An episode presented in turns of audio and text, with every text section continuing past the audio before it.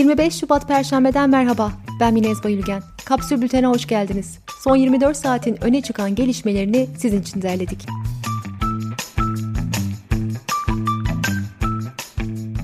Türkiye'de son bir yılda 189 motokurye hayatını kaybetti. Tüm Anadolu Motosikletli Kuryeler Federasyonu Genel Sekreteri Yenel Çalışkan 30 dakika içerisinde teslim şartı ve puanlama nedeniyle 19 yaşındaki bir kuryenin yaşamını yitirdiğini söyledi. Çalışkan müşterilere şu sözlerle seslendi.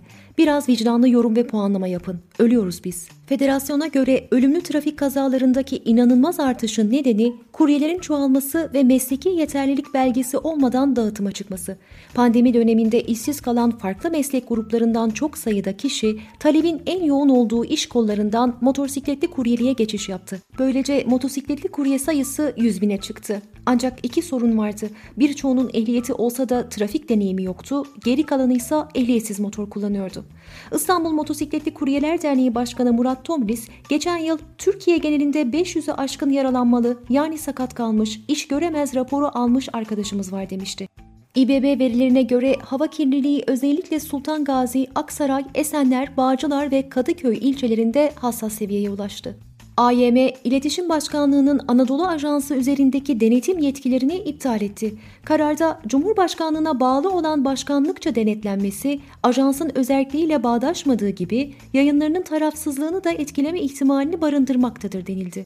CHP'li Lale Karabıyık 700 bin öğretmenin atama beklediğini açıkladı. Sayıştay'a göre 138.393 öğretmen açığı olduğunu belirten Karabıyık, Milli Eğitim Bakanlığı bütçesinin 18 yılda 4 kat küçüldüğünü aktardı.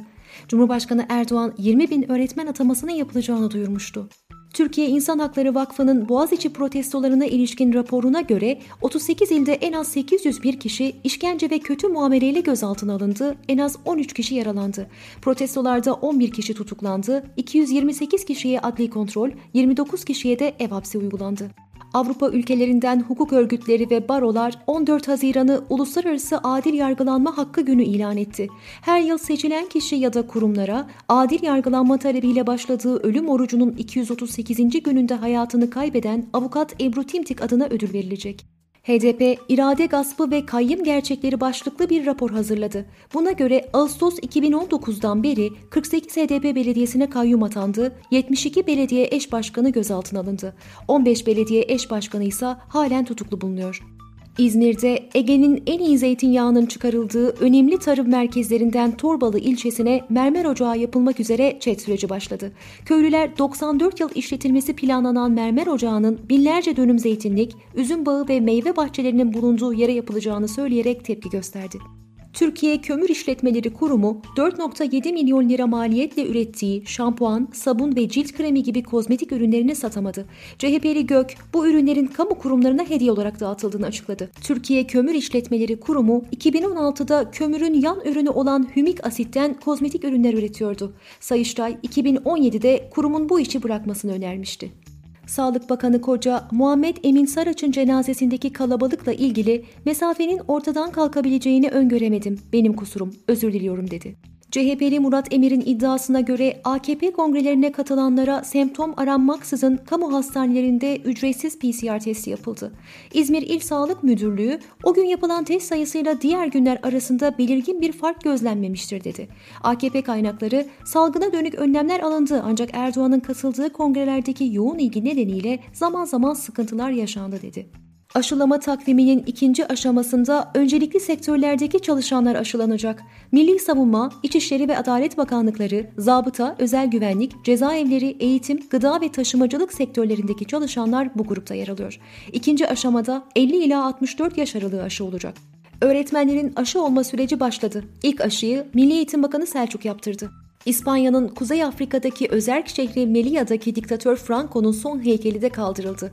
İspanya'yı 1939-1975 yılları arasında diktatörlükle yöneten Franco'ya ait tüm izlerin 2007'de çıkarılan tarihi bellek yasasıyla silinmesine karar verilmişti.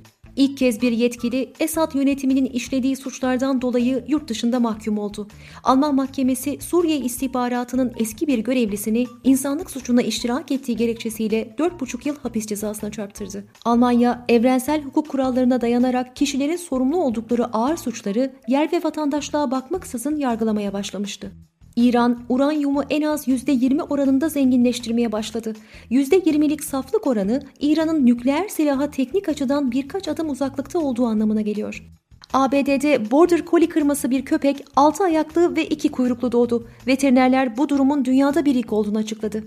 Ulaştırma ve Altyapı Bakanı Kara İsmailoğlu İstanbul Havalimanı için garanti ödemelerinin erteleneceğini söyledi. CHP'li Yavuz Yılmaz, Kütahya, Afyon, Uşak illerine yönelik inşa edilen Zafer Havalimanı'nın 57 milyon lira zarar ettiğini açıkladı. 2020'de yap işlet devlet modeliyle inşa edilen Zafer Havalimanı'na 1 milyon 279 bin 352 yolcu garantisi verildi. Ancak yolcu sayısı 7429'da kaldı. Merkez Bankası zorunlu karşılık oranlarını TL yükümlülükler için 200 bas puan arttırdı. TL mevduatlarda 3 aya kadar %6 olan zorunlu karşılık %8'e çıkarıldı. Moody's, Türkiye'nin 2020 büyüme tahminini güncelledi ve %5 daralmadan %1.1 büyümeye revize etti.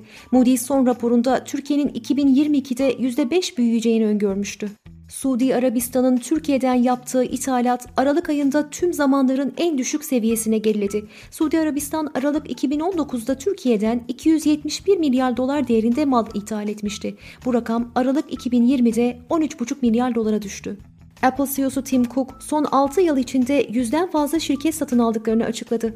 Apple geçen yılın son çeyreğinde 111.4 milyar dolarla tarihin en büyük gelirini elde etmişti.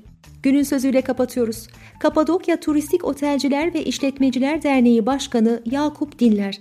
Gerçek vaka sayısı bir ay daha açıklanmasaydı ne olurdu? Bir anda oteller kapandı. Biz de biliyorduk sayıların doğru olmadığını. Kapsül'ün e-bültenlerine abone olmak için kapsül.com.tr'yi ziyaret edebilirsiniz.